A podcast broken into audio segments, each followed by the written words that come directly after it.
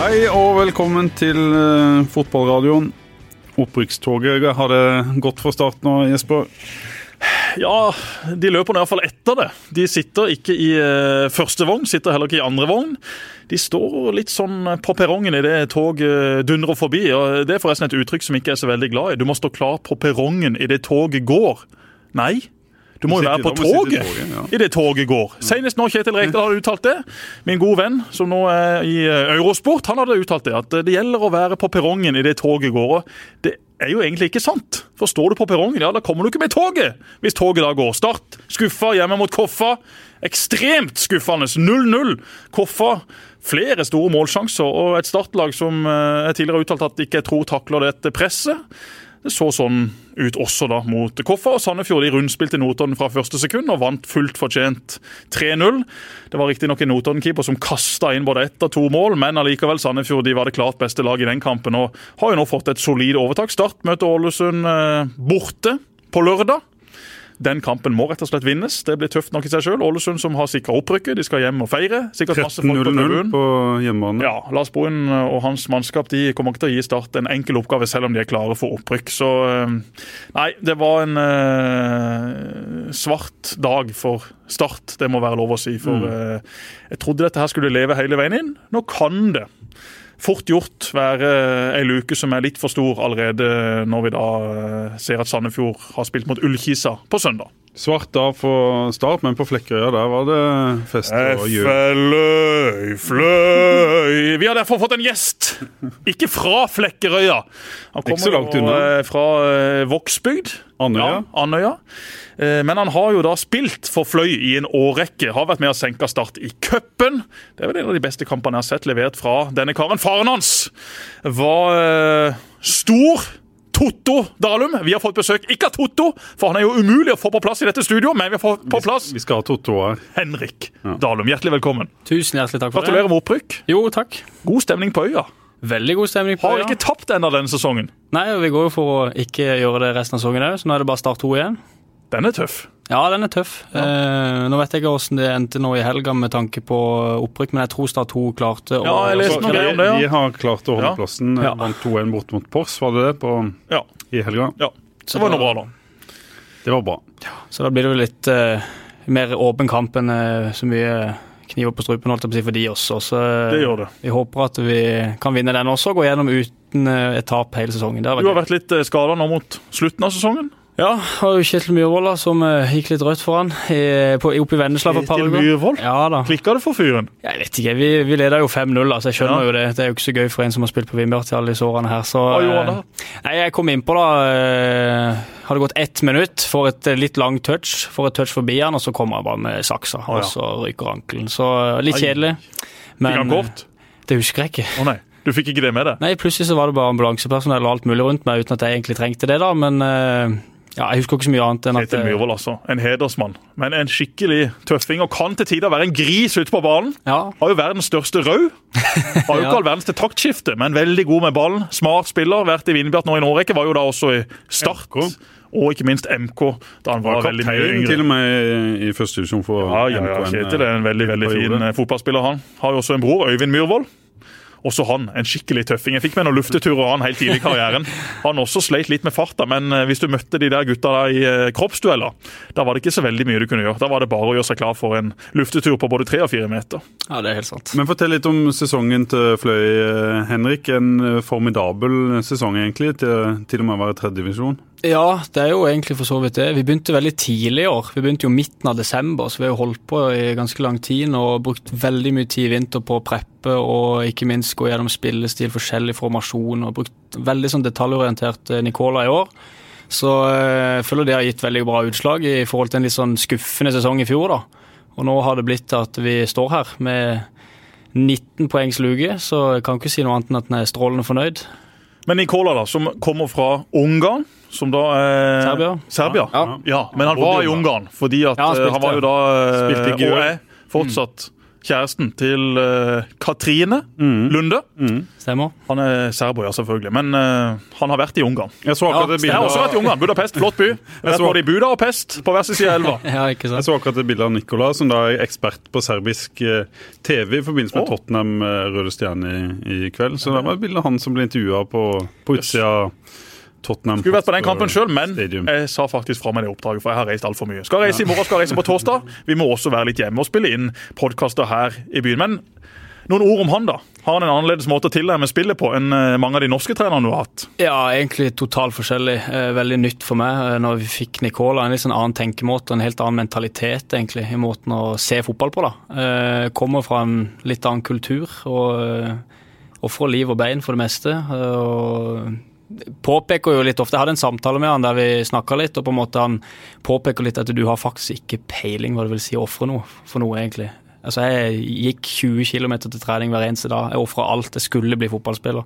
Så det kommer jo litt fra en sånn annen kultur. Vi har det jo veldig greit i Norge og er vant til å bli kjørt til trening, og pappa og mamma henter og det ene etter det andre. Så nei, han, eh, han har en litt sånn annen tilnærming, som du sier. Betyr det også- også at han er, kravstor?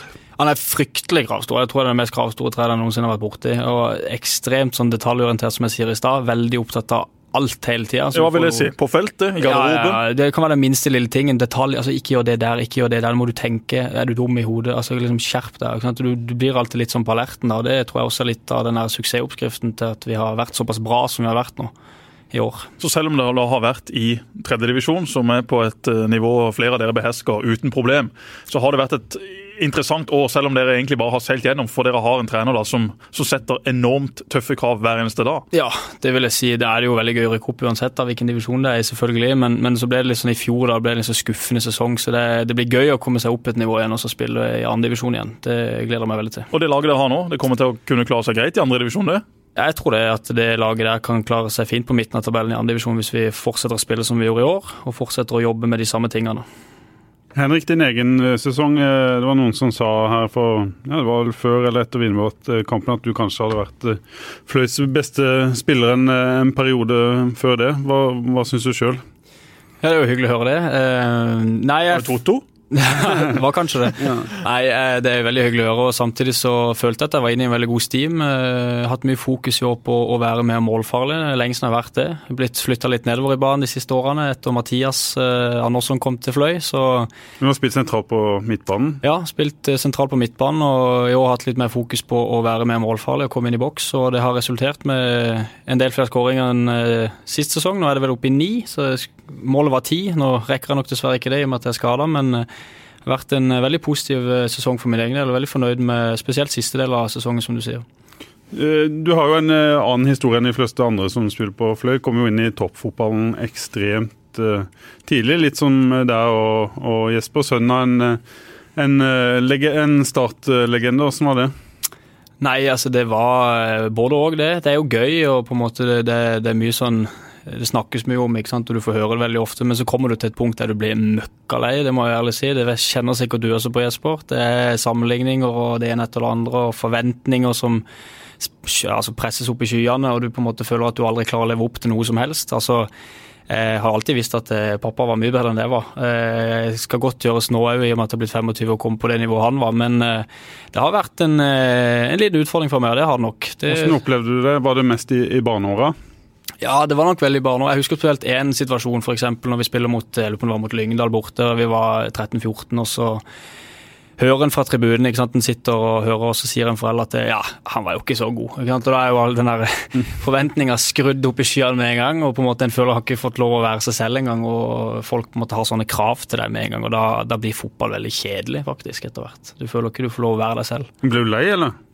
Ja, jeg har hatt perioder der jeg har vært veldig lei og sliten, og på en måte det blir litt for mye. Jeg føler ikke jeg fikk lov å være Henrik. Jeg følte egentlig jeg var bare mer sønnen av Totto, og det sto det jo i hver eneste avisartikkel som det noensinne skrev om meg òg. Det sto vel aldri navnet mitt engang, så det, man blir litt lei av det, jeg må ærlig si det. Kjenner du deg igjen, Jesper? Ja, både og. Selvfølgelig har man alltid blitt sammenligna, men eh, jeg trivdes egentlig godt med å bli sammenligna. Jeg forsto også etter hvert at jeg ikke ble den spilleren pappa var. Men eh, jeg brukte egentlig det som eh, som en motivasjon og som en inspirasjon. Jeg syns det var gøy at folk hadde, hadde sett pappa spille. Det, det syns selvfølgelig du også. Ja, Men jeg skjønner hva du mener. Akkurat i de der eh, årene hvor du er i ferd med å slå gjennom, så så er det jo mange som alltid vil hevde at eh, du er her pga. etternavnet ditt. og Det er jo eh, folk som ofte ikke har peiling på, på, hva de snakker om, da, men den vil alltid komme. og Det er et veldig billig poeng, og det er et poeng som egentlig er umulig å forsvare seg mot. og mm. I tillegg så, så, jobber jo pappa etter hvert i klubben, så da ble det jo sånn sett forsterka. Men eh, man klarte etter hvert å, å, brekke seg gjennom det, og, og, da ble det egentlig bare en, en, fin greie. Men jeg tror for alle som har et etternavn som, som folk vet om, så vil det alltid være litt sånn unormalt høye forventninger. Og så er det mange som da vil bli skuffa skuffa, og mange blir også skuffa med vilje. Mange har bestemt seg for å bli skuffa på forhånd, mm. og så skal de da bruke det for egentlig da å snakke ned eh, Janteloven, rett og slett? Ja. Litt sånn. Det, det, må ingen, det, må ingen, være i, i, tvil om. Og Jeg får jo fortsatt meldinger fra, fra folk etter jeg har vært på TV som mener at eh, setter Mathisen-navnet i et dårlig lys. Senest da hylla vår venn Morten Sanden fra Lyngdal, som storma banen på, på, Emirates. Han hadde jo vi det morsomt med. Var det mor som sendte melding? Nei, faktisk ikke. Jeg ble skjelt ut av mamma i går. Eh, ikke skjelt ut, da, det blir blitt feil å si, men vi, vi hadde oss en, en, fin prat der på, eh, på sofaen, og, og, hun tok opp det med at eh, Jesper, du må, du må tenke på det at du kan til tider bli oppfatta litt bastant. Det er ikke alltid det du sier er rett. Nei, sier det, det er greit. For vi snakker om noen noe Facebook-bilder og statuser fra, fra, noen vi kjenner. Mm. Og hun syns da at ikke alltid jeg skulle være den som, som drev hogga løs på folk som la ut hjerter og lykkelige bilder av familier og ekskoner og eksmenn og ja, diverse ting og tang. da. Så hun mente jeg måtte roe meg litt på det. Ja. Og det sa jeg at eh, jeg kommer nok ikke til å gjøre det, for det irriterer meg veldig, men jeg skal, jeg skal se om ikke jeg skal tenke meg litt mer om, og kanskje være litt mer forsiktig enkelte ganger. Så var opp med pekefingeren i går. Det er, det er godt det, at du i en alder av et par og 30 også da kan få pekefingeren av mor, når hun har sett seg litt lei på enkelte ting. Det er bra, Nancy. Men du har jo hatt masse økter med Totte opp gjennom årene. Ja, det er altså. Det, det båndet som fotballen har skapt mellom dere, tror du det kunne vært mulig og skapt hvis ikke det hadde vært for alle disse øktene og disse oppturene, nedturene, skadene, målene osv.? Nei, det tror jeg ikke. Jeg tror det er en veldig stor del av det.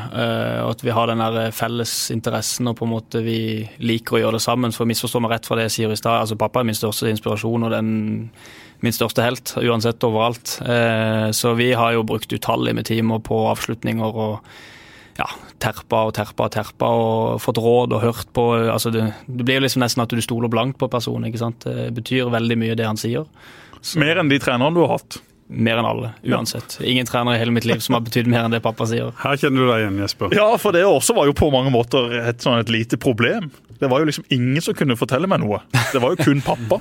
og, og, og, så røyk jo pappa til himmels, og, og, da var det jo liksom veldig få igjen, da. Men eh, etter hvert så, så la jeg skoene på hylla. Men jeg kjenner meg igjen i det. Du har liksom et, et forbilde hjemme som, som kan veldig mye mer om mange ting hva gjelder fotball enn de trenerne du har hatt. Og så har man en trener som garantert har kunnet mer enn Totto eller min pappa om, om andre ting. Men, men, det blir sånn at deres ord er lov. Og hvis de da sier at vet du hva, ikke hør på det.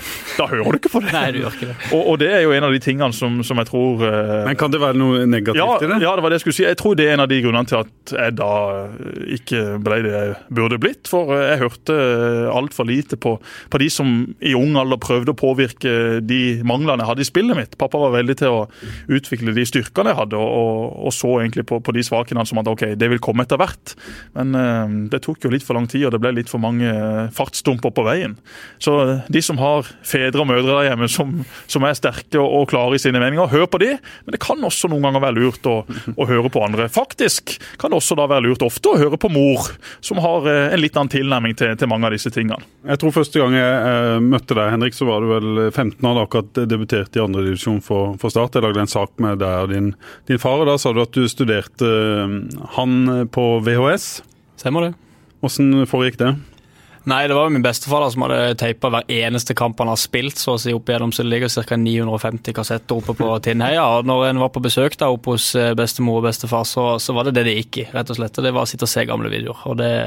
Det var, helt, det var, det beste jeg visste. Da. Drit i Cartoon Network og eh, Fox Kids og alt det der. Det var VHS-DVD-er fra 90-tallet som var tingen. altså. Hva så du, da?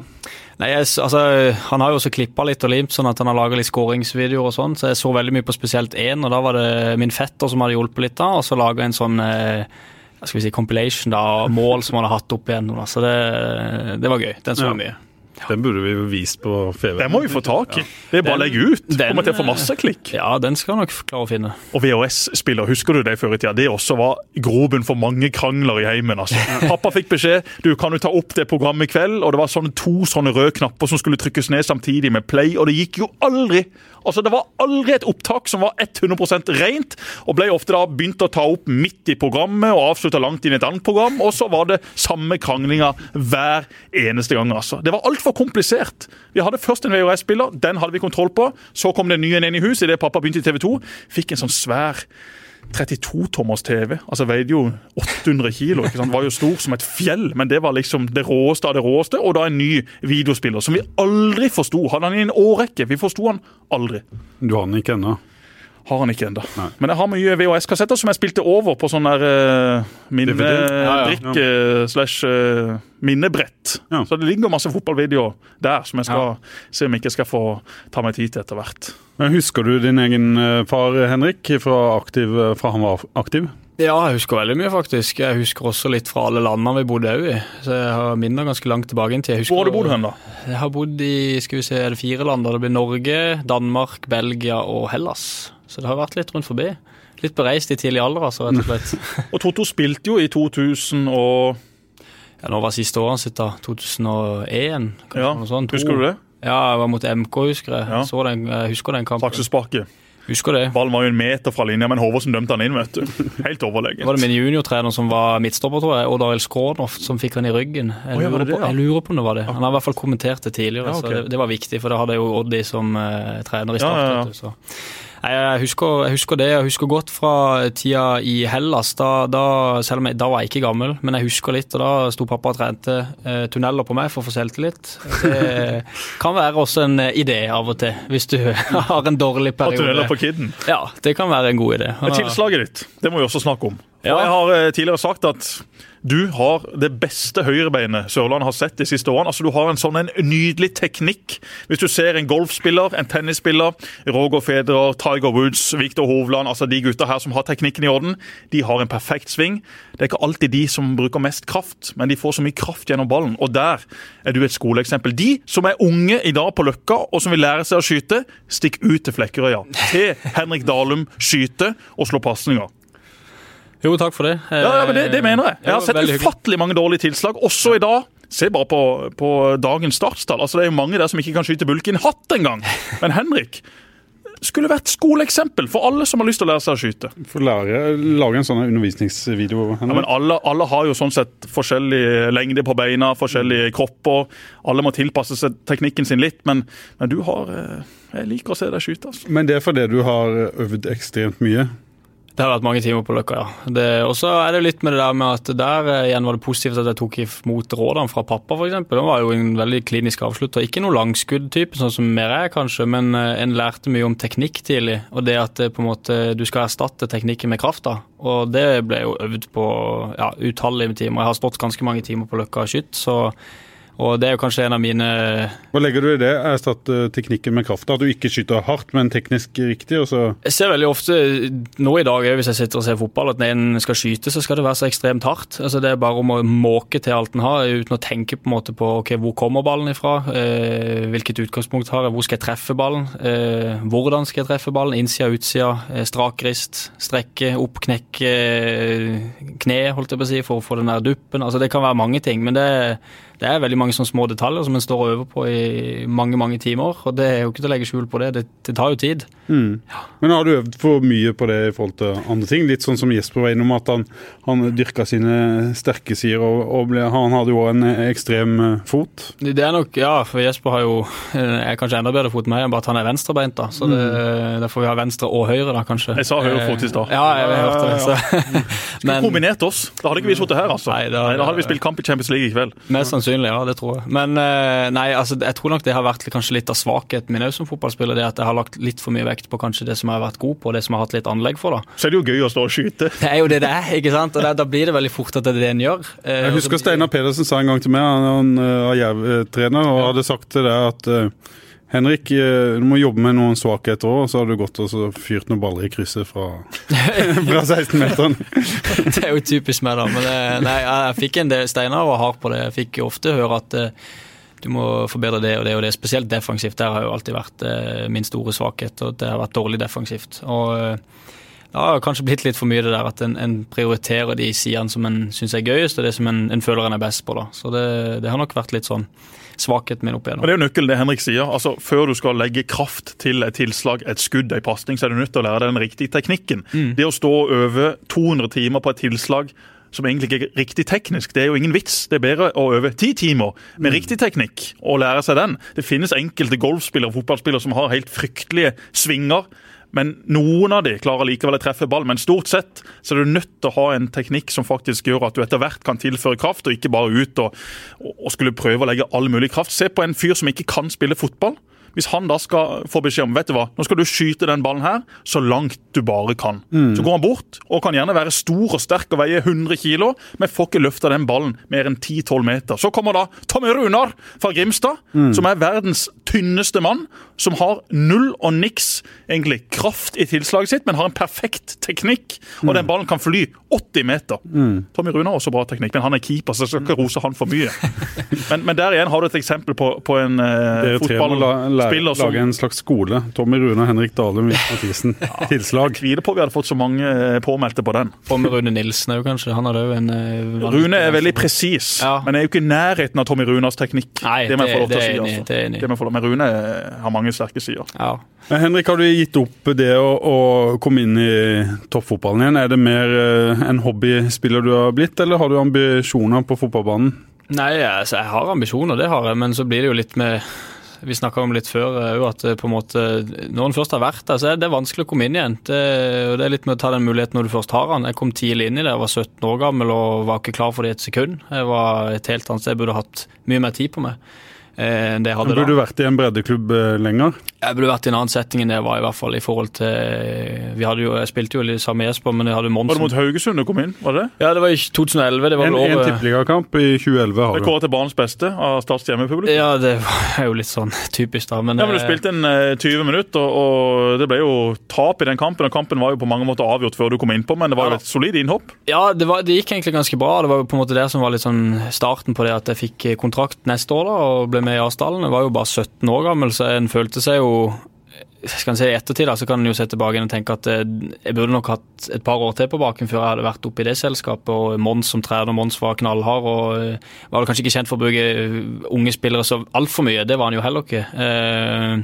Så det var, det var nok litt sånn situasjonen og den, den tida jeg var i òg, som gjorde at jeg jeg klarte aldri å på en måte komme opp på det nivået jeg måtte være på hvis jeg skulle Hvis du kunne få valgt sjøl nå, da, hvordan ville du ha hatt det?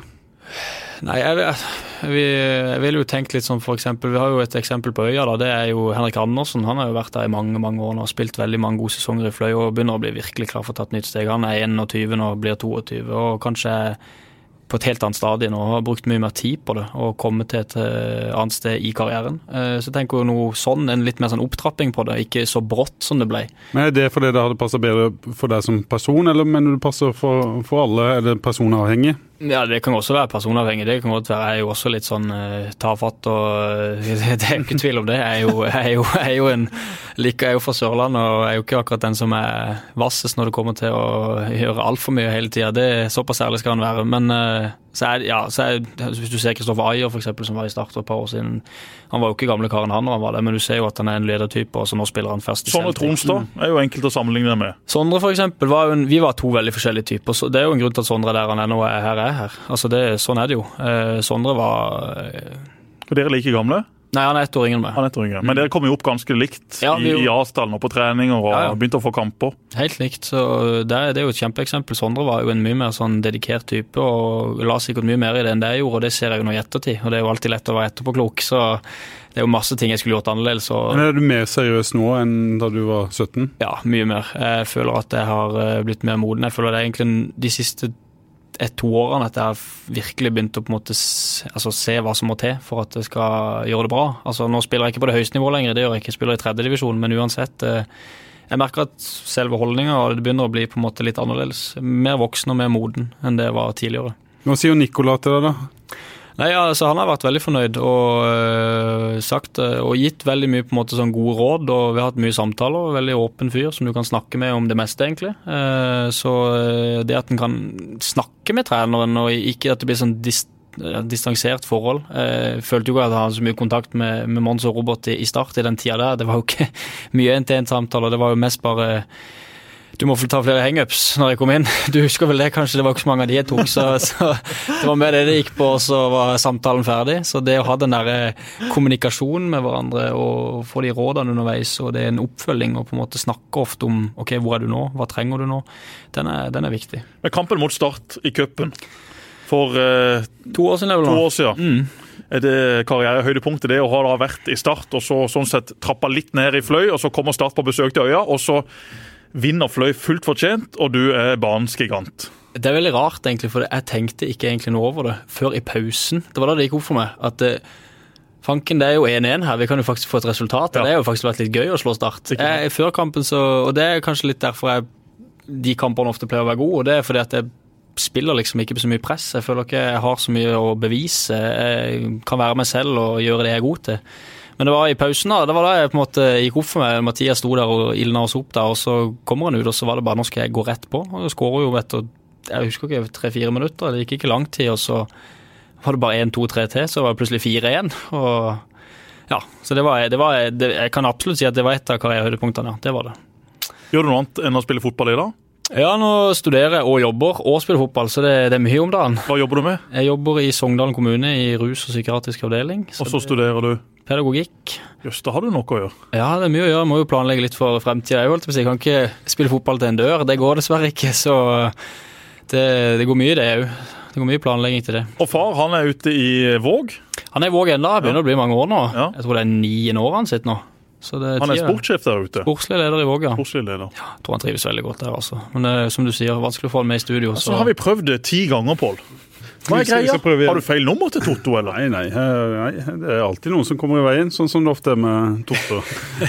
han har dårlig tid. Jeg tror han føler seg litt ferdig snakka, rett og slett. Jeg tror han bare Det er han ja. ikke før han har vært her, altså. Nei, nei, Vi må ha Totto i studio. Ja. En hedersmann. En A-lagsmann. Vi, vi, får fortsette å prøve. Ja, ja, ja. Henrik, ditt forhold til Start eh, i dag, skjedde noe med forhold til, til klubben etter at eh, du etter hvert forsvant og, og gikk til Jerv?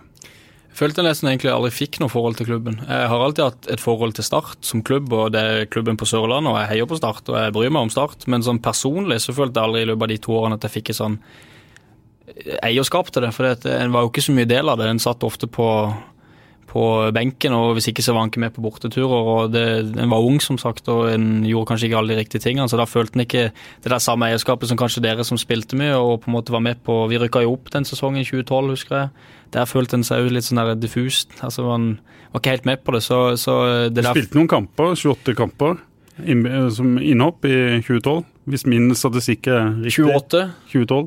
Ja, det kan jeg husker ikke, for helt ærlig. Men, eh, men, men, jeg skjønner hva du mener. Du er en del av ja, det, men du er ikke en del av det. Det er veldig ofte sånn det blir. ikke sant? Det, det blir litt sånn Hun skulle helst vært mye mer med på det og spilt og vært ute på banen der og vært med og bidratt. Det hadde vært mye gøyere. Så det ble nok litt sånn. Eh, så når jeg gikk til Jerv, så følte jeg ikke på noe sånn ekstremt sånn sorg over å dra, at jeg syntes det var trist. Det gjorde jeg ikke. Hey, I'm Ryan Reynolds. At Mint Mobile, we like to do the opposite of what Big Wireless does. They charge you a lot, we charge you a little. So naturally, when they announced they'd be raising their prices due to inflation, we decided to deflate our prices due to not hating you. That's right. We're cutting the price of Mint Unlimited from $30 a month to just $15 a month. Give it a try at mintmobile.com slash switch. $45 upfront for three months plus taxes and fees. Promote for new customers for limited time. Unlimited more than 40 gigabytes per month. Slows. Full terms at mintmobile.com. Eh, neste år, mm. andredivisjon av Fløy. Du fortsetter i, i Fløy? Jeg har fått et tilbud, så får vi se hva vi gjør. Men eh, ja, sånn i utgangspunktet så er en jo innstilt på det, ja. ja. Hva tror du Jesper om, om Fløy og, og andredivisjon? Når de er så suverene i, i, i tredje, så skulle en tro at det det skal være mulig å hevde seg også en divisjon opp? Ja, absolutt. Det laget de har hatt i år har jo vært godt nok til å kunne hevde seg i, i andredivisjon. Nå skal jeg innrømme at jeg har ikke sett så så veldig mange fløykamper. Men uh, min søster er jo da samboer med Nils Petter Andersen, som er assistent ute i Fløy. Og jeg får jo da rapporter fra han hver eneste uke. Så det høres solid ut, det som har blitt gjort både på, på trening og i kamp. Er det ikke større skille nå mellom fjerde og tredje divisjon enn kanskje mellom tredje og andre og etter divisjonsomlegginga? Uh, jo, det tror jeg fort uh, at det er. Og, og, du ser jo på de lagene, uansett egentlig hvilken divisjon du kommer fra. Hvis du har vunnet så mye kamper, hvis du er vant til å vinne, så har du med deg masse selvtillit. Du har en optimisme blant uh, Regestimen. Du har uh, optimisme blant de som kommer på kamp, de som er rundt klubben, de som sitter i garderoben. Se bare på Ålesund nå, som har vært så utrolig solide i Obos-ligaen. De lagene som rykker opp med den poengsummen, mm. med den følelsen, de gjør det ofte veldig godt når de da kommer opp i Eliteserien. Så at Fløy skal være med og, og kjempe i andredivisjon neste år litt lenger opp på tabellen enn nedrykksstreken. Det har jeg stor tro på. Jeg tror også de har fått et godt rykte på seg blant uh, spillere på Sørlandet og også andre steder i Norge. De har en ung, spennende trener som uh, helt sikkert også etter hvert har ambisjoner om å trene større klubber. og Hvis du da er i Fløy og gjør et godt inntrykk, så kan jo du sånn sett bli dratt med videre. Så, så Fløy uh, går ei lys tid i møte, tror jeg, og, og, det trenger vi på Sørlandet. Det har vært noen andre lag som har skuffa i år. Start, mm. Arendal.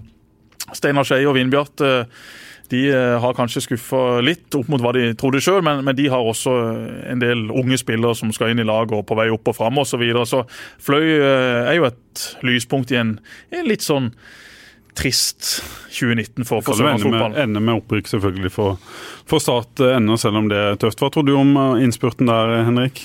Jeg hadde veldig tro etter 7-1-seier eh, mot Jerv. altså Da hadde jeg veldig tro. Men det, det, virker jo som det varierer veldig mye, og det der bunnivået er ekstremt lavt av og til. sånn Spesielt nå på søndag når vi spiller 0-0 igjen mot Koffa, som du snakker om i stad. og eh, Koffa har egentlig på en måte nesten kampen. Jeg så han. Eh, en av de få startkampene jeg har sett i år fått med meg. Så, så det ser jo litt sånn spinkelt ut nå. og Jeg tror en kvalik også blir fryktelig tøff, så jeg er veldig usikker.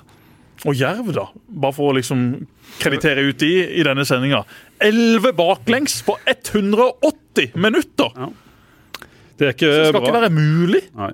Men uh, samtidig Unnskyld. At Jerv er i i førstedivisjon fortsatt, det syns jeg er egentlig bra for en så liten klubb. Og så kan jeg jo diskutere om de lever opp til forventningene, eller om de eh, gjør det dårligere enn eh, forventa. Hvis de klarer å holde seg i førstedivisjon år etter år, så mener jeg det Helt enig med det. Mer, Men jeg må godt. si at elleve baklengs på to kamper, det er litt i overkant. Ja, at Jerv holder seg i år eh, De har hatt en tendens til å rakne litt på høsten. Ja, de har det, de har det. Men de har vel signert ny kontrakt med, med Arne, og det mm. er jo iallfall i mine øyne en trygghet for at satsinga skal, skal kjøres videre. og mm. Det er jo lite som skiller i Obos-ligaen. Det er lite som skal til for at du plutselig har en kvalikplass, og, og da kan alt skje. Ranheim har vært i Eliteserien nå og kost seg, og de endte jo da på fjerdeplass i Obos-ligaen for et par år siden. Så Jerv eh, har skuffa, det må jeg si. Mm. At de skal holde seg, det skulle også bare mangle når du ser på de lagene som ligger i bunnen. For Jerv har et langt større budsjett og langt bedre spillere enn disse. Så håper jeg og tror at Jerv er med og kjemper om, om kvalik neste sesong. Men innspurten nå da, Pål. Kampen i Ålesund på lørdag tankene dine rundt den, etter å ha sett Start uh, hele mot KFUM? Jeg, jeg, sa jo etter, etter KFUM-kampen at jeg, jeg, tror at Start har større sjanse til å få med seg resultat i Ålesund enn det Sandefjord har. Det handler litt om, om spill, spillstil. De er et godt kontringslag. Ja. Det har de bevist ja. gjennom denne sesongen. Å ligge dypt der og kontre med de spillerne de har, tror jeg kan eh, føre til poeng der. Og så er jo spørsmålet hva Ålesund gjør etter at de har, rykka opp. Det er jo alltid et spørsmålstegn om de får en liten down, nå som det er sikra. De har sikkert vært på fest i helga og kanskje slipper seg litt eh, grann ned. ned. Tror du har vært på fest i helga? Tror du ikke de venter nå til hjemmekampen på lørdag? Da var det fest i, i Tromsø. Eh, du ser jo ikke på Eurosport, men det gjorde jeg på på søndag. Der var det jo direkte inne fra, fra Tromsø. Der var det mye flasker på bordet og, og god Ja, Men tror du spillerne liksom drakk seg snytings? Det tror jeg ikke. Jeg tror de kommer til å være skjerpa mot Start på lørdag. Ja, det, det, kommer de helt sikkert til å, å være. Men jeg tror Sandefjord tar den andreplassen. Altså at det blir ja, playoff. Det, det, tror jeg. Så må de håpe å møte Mjøndalen eller Ranheim. Da tror jeg det er en fair sjanse. Enig. Mjøndalen eller Ranheim er de to lagene Start må håpe at etter de kommer da på, på, kvalik. og Da vil det være veldig veldig åpent. så uh, selv om det nå skulle bli... Sarpsborg, jeg, jeg, tror ingen av de lagene rykker ned. for Jeg syns de, de, presterer bedre enn det de har gjort eh, tidligere i sesongen. og De har på en måte mer kvalitet i sine staller enn det Start har.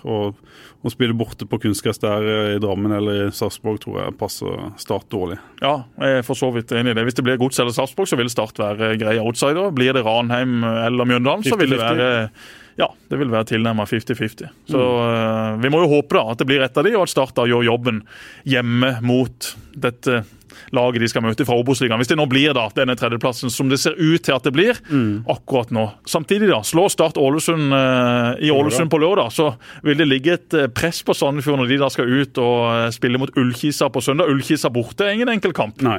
De har et eh, toppnivå som til tider er bra. De har en keeper som dundrer inn et frispark mot Tom Nordli og Skeid her i helga. Så de har eh, en del spillere de som på sitt beste kan ryste Sandefjord. Så vet vi det at hvis Start slår Ålesund, så vil det antageligvis lede, leve helt inn. Hvis det er tre poeng den, eh, før den siste runden. Hvis begge laga, Jeg tror begge lagene vinner de hjemmekampene de har i nest siste runde. Og hvis det er tre poeng, så vil jo håpet være der når de reiser til, til Notodden. Så det handler om å, å ta den trepoengeren i, i Ålesund, som blir fryktelig vanskelig. da. Absolutt, men det var jo det som var så dumt med den uavgjorten mot KFM. For du hadde jo sett for deg at eh, hvis man nå vant mot KFM, så hadde Sandefjord kommet til å slå Notodden, så kunne man reise opp til Ålesund. da. Hvis man hadde fått med seg ett poeng der, så visste man jo at dette her hadde egentlig da levd inn mot den siste runda. Men nå kan det da være avgjort eh, før det virkelig håpte skulle bli avgjort i, i den siste. Så sånn er det. Det var et er- KFM-lag som, som var gode, og et startlag som eh, var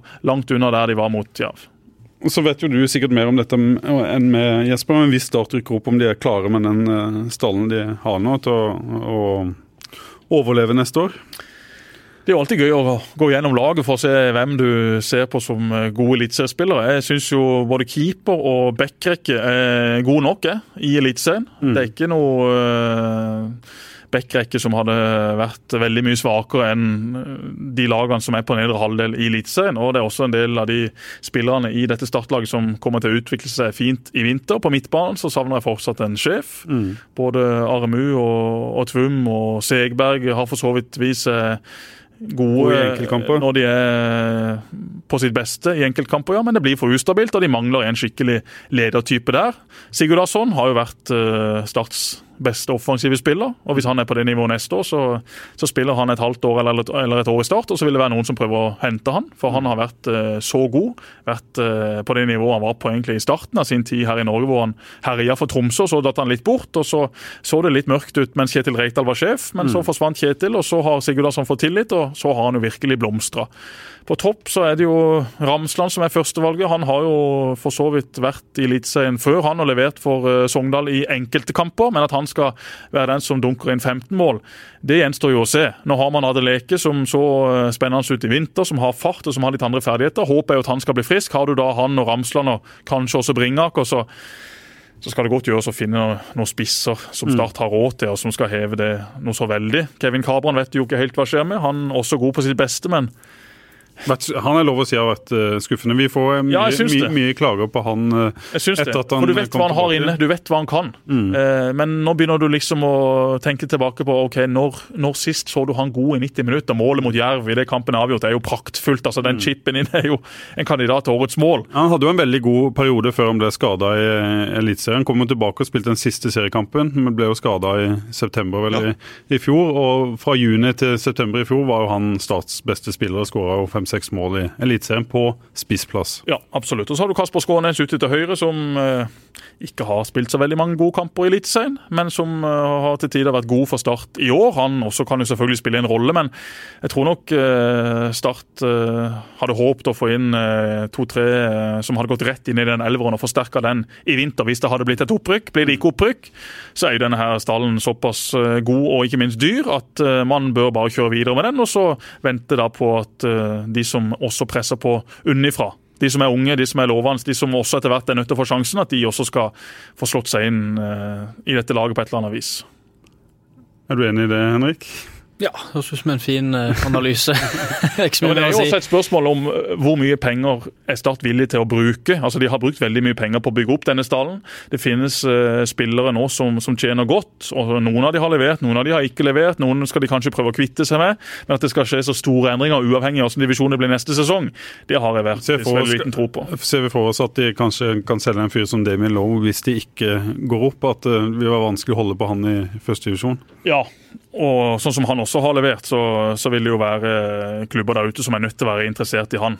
Og Forsvinner han, så må du ha inn en, en ny midtstopper. Det er ganske mm. klart, for Han har vært Starts viktigste defensive fotballspiller. Start har vel kun tapt én kamp med han på banen, og det var mm. vel mot Ålesund i den første kampen. Når han da har spilt, så har Start ikke tapt. Mm. Så han er ekstremt viktig. Han gjør noe med lagkamerater, han gjør noe med motstandere. Selv om han er litt uvørende og har fått sine kort og, og hatt sine misser så er han stort sett uh, veldig veldig solid. Slitt når han har vært ute på landslagsoppdrag og kommet tilbake, sånn som mot ja, KFM på, på, søndag. Det kan vi jo forstå. Det er jo uh, minuset med å ha spillere som spiller landskamper på andre sida av jordkloden. Det er jo mm. ikke veldig lett å sitte på et fly og skal restituere seg, og det er forskjellige tidssoner osv. Så, videre, og så, videre. så Damien Love uh, er en god spiller som er nødt til å være interessant for opptil flere andre klubber, både i Norge og ikke minst da i, i andre europeiske ligaer. Hva tenker du med unge spillere i Start, eh, Henrik? Du har jo sjøl vært, eh, vært, ung. Hva, du vet kanskje ikke så mye om hvordan det er der i, i dag, men hva savna du når du var ung? Nei, altså som du sier, Jeg vet ikke helt hvordan det er nådd, da, men, men uh, en savna jo kanskje litt uh, at det var mer oppfølging. At det var en mer sånn overgang fra, fra den uh, Vi hadde jo i den tida Georg Olsen som Start 2-trener og fikk veldig god oppfølging. Der. Ja, veldig der. Oggi han var flink til å, å følge opp. og var en flink. Fin keeper under i tredjedivisjon. Ja, ja, ja, og det verste han visste, det var å bli lobba på. Lobba, det var ikke lov, altså. Da kom Geir Åge løpende etter deg, ikke riktignok veldig rask, men veldig bestemt. Det var bare å spasere banen. Altså, for hvis uh, Geir Åge fikk tak i det, da var du ferdig for dagen. Han hata å bli lobba på! Cola i flaska hadde han vel òg, tror jeg, når han spilte av og til. Så, det, tror jeg på. Ja. det tror jeg på. Nei, men var fin, han. Også eh, når du kom litt opp altså Du ble litt sånn eh, litt glemt, da. Men det virker jo Jeg vet ikke, men det virker jo som at de har en bedre struktur på det, en mer oppfølging nå. og Som vi snakka om litt før sendinga også, at Eh, Atle Roar er der, og de har eh, han Øren, vet jeg der. Mathias er vel eh, også trener. Så de har et større apparat nå enn de hadde tidligere. når jeg var der. Så de er færre spillere i, i junioravdelingen enn de har hatt? Ja, absolutt. Junioravdelingen er jo også deler av den. eller vi si? Utviklingsavdelinga er kanskje riktig ja, å si. Ja, stemmer. stemmer. Det er jo sånn at uh, Lagene som er litt yngre, er jo flytta over til Don. og mm. Der også skal det jo være et samarbeid mellom Don og Start for å ha kontroll på både trenere og spillere som etter hvert skal, skal bli nye profiler på, på Start. Og Så blir det vel ikke henta så tidlig som du ble. Du, hvor gammel var du da du kom?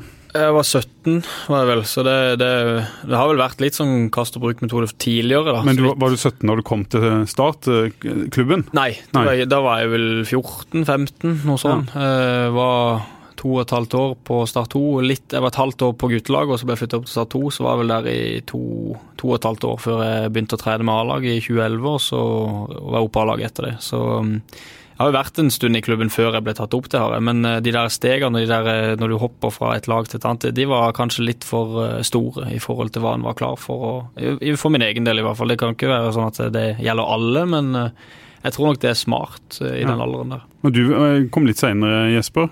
Etter et valg fra deg og din far, eller? Ja, jeg kom vel da jeg var 15. Hadde akkurat fylt 15 den uh, vinteren der og var først med og trente litt med Ove Løvland og guttelaget til start. og Ove Løvland uh, var jo en løpsmaskin, så det var jo uendelig med løpetrening. Så jeg takka egentlig fint for meg der i januar og sa at eh, jeg tror nok jeg blir litt mer himmeltroll og så nærmer sesongen seg. Så tok jeg en telefon, du. Nå kommer jeg. og så var det selvfølgelig rett inn på laget, og så hadde vi et eh, aldeles uh, nydelig guttelag der med Ruben Kleiven og Elmar Bjarnason. og vi, vi, var veldig gode. Litt ustabile var vi riktignok. Vigør vant jo serien, men vi slo Vigør og Steffen Hagen 10-0. Lukas Igland sto i mål. Kristiansands Diego Amando Maradona, så det var gode tider. Så var jeg ett år på guttelaget, og så var det rett opp på Stad 2 og så rett opp i uh, Asdalen. Så for meg så, så var jo nok nivået på det Stad 2-laget veldig bra.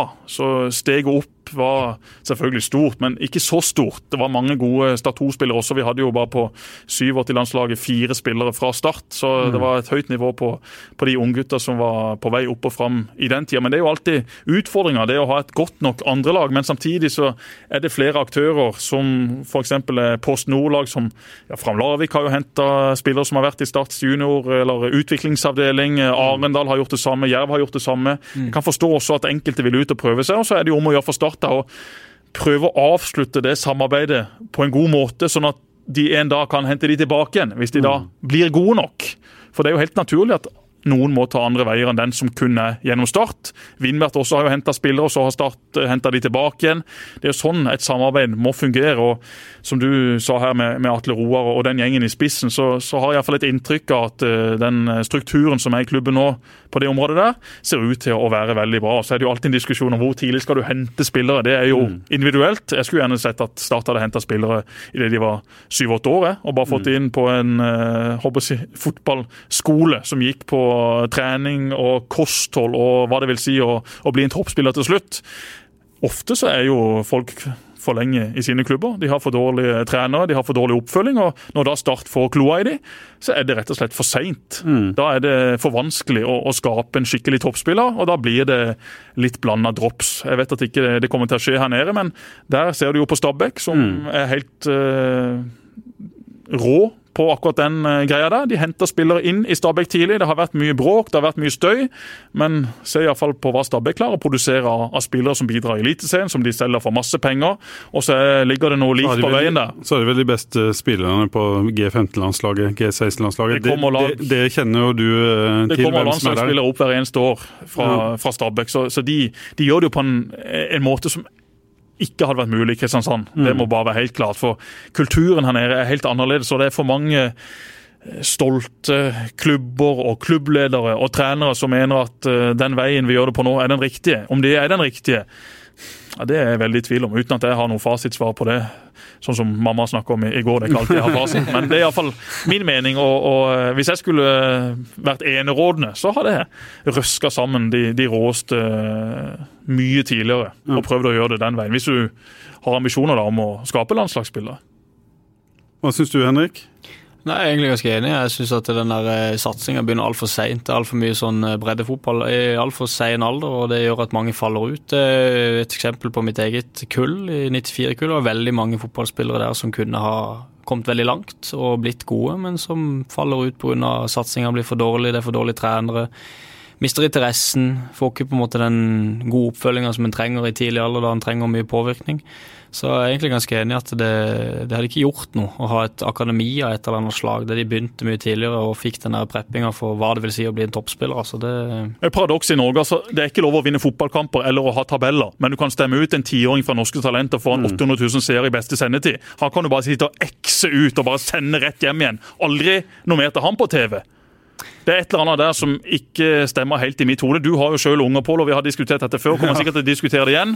Jeg er jo, ja, jeg er jo eh, delvis enig, og så er jeg jo uenig. Selv dette med konkurranse og ta bort konkurransen fra barnefotballen tror jeg fører til at veldig mange flere er med lenger. Og så er spørsmålet om det er riktig. Skal alle spille fotball? Men når du først velger en idrett, så er det jo sånn at fotball har rangen. og nesten alle guttene i en klasse begynner på, på, fotball. og Da må målet være å beholde de lengst uh, mulig. Uh, folkehelseperspektivet er jo kjempeviktig, og, og, da tror jeg det å ta bort konkurransen er bra for det. Men om det skaper flere toppspillere, det er jeg veldig usikker på. Så vi må jo på en måte finne en, en balanse her. da. Så mener jeg at det er altfor tilfeldig hvor det er gode miljøer. Det er jo det Start prøver å gjøre noe med. Gå ut og påvirke miljøene. Eh, utdanne flere trenere, få flere kompetente trenere inn i barnefotballen. Det er jo den veien vi skal gå i, i Norge, og det er styrt ovenfra. Og, og Start eh, følger det, og det gjør ikke, ikke Stabæk. Men det er altfor all for mye svake trenere og dårlige miljøer rundt omkring. Så det er tilfeldig hvor de gode fotballspillerne skapes. Noen tilfeldig hvem som noen årskull kan det være Det er bare å se på Agder-fotballen nå. Noen årskull kan det være Randesund f.eks., som har vært utrolig gode på på noen eh, kull nå. Der kommer det mange gode spillere. Eh, andre steder er det noen kull som er kjempedårlige, noen kull som er, svake. Det handler veldig om hvem som er drivkrefter og, så, så og hvilken kompetanse de har. Her nede så er det jo den eneste riktige måten å gjøre det på, sånn som Start nå har begynt, og som kretsen ser ut til å gjøre det. At man skal ut da og påvirke trenerne i de klubbene, i de miljøene de er. Og så er det jo da opp til de å ta til seg den læringa og prøve å videreføre det til unge gutter og jenter. Absolutt. Og så uh, syns jeg jo Start skal ha noen noen tilbud. De har jo noen tilbud i dag, noe som heter Dom pluss, der mange av de ivrigste kommer og blir trent av spillerutviklere i Start, som, eh, som, fungerer bra, tror jeg. Og, og, så gjelder det liksom å, å, å gi det tilbudet til til mange, da, og ikke bare ett årskull eller ja, følge Og det sosiale er jo selvfølgelig kjempeviktig. Jeg har jo ingen uh, minner som er i nærheten av de jeg hadde med Gimletrollsgutter 11, 12, 13 og 14 lag på turneringer i Danmark og kamper i Øst- og Vest-Agder, og vi vant Sebra Sebracup og CB-cup. Det er jo de minnene iallfall i min begrensa karriere, som jeg sitter igjen med. Absolutt. Og så er det det, hvis du hadde samla de beste tiåringene på ett lag, hvor skulle de spilt eh, kamper? Den der knivinga du, trenger, du trenger ikke å samle de på et lag som skal spille kamper, men det må være et treningstilbud ja. til de som da vil møte fredag, onsdag, mandag før skolen klokka mm. 6.30 på Kongsgårdbanen og trene en time, mm. og så dusje, og så av gårde på skolen. Mm. Det tilbudet må være der. Ja, i enkelte klubber og i enkelte miljøer så er det, men det er jo også noen som setter opp sånne tilbud, og så får de kjeft for at de setter det opp. sånn kan vi ikke ha det her, sier de. Nei. Ja. Nei, men det, da blir det trening seks tre ganger i uka. Må jeg først få en unge som er interessert i fotball. da. Det er jo det første. Der er vi ennå ikke, altså. Har du begynt med morgentrening hjemme, Jesper? Nei, jeg har jo ikke det. Vi hadde litt økt opp på kunstgresset på loftet i går. Det ble en ti-tolv spark i taket, og så sto det en sånn en liten bil der som han hadde lyst til å leke med. Og jeg sa til Trine vi må tenne opp et stort bål i vinter, så geiner vi ut alt han har av leker, sånn at det kun er baller oppå loftet. Da har han ikke noe valg. Da er han nødt til å leke med ballen. Det er altfor mange tilbud. Nå kommer, det sånn, nå kommer det tartandekke rundt eh, kunstgresset, da. Tartandekke, ja det var det, da. Det blir jo en veldig kort løype. Men eh, det er nok eh, noen i huset som hadde ønska at eh, det etter hvert skulle komme. Men det er ikke noe fremtid i friidretten. altså. Gjert Ingebrigtsen og co. de er en glede å følge med på.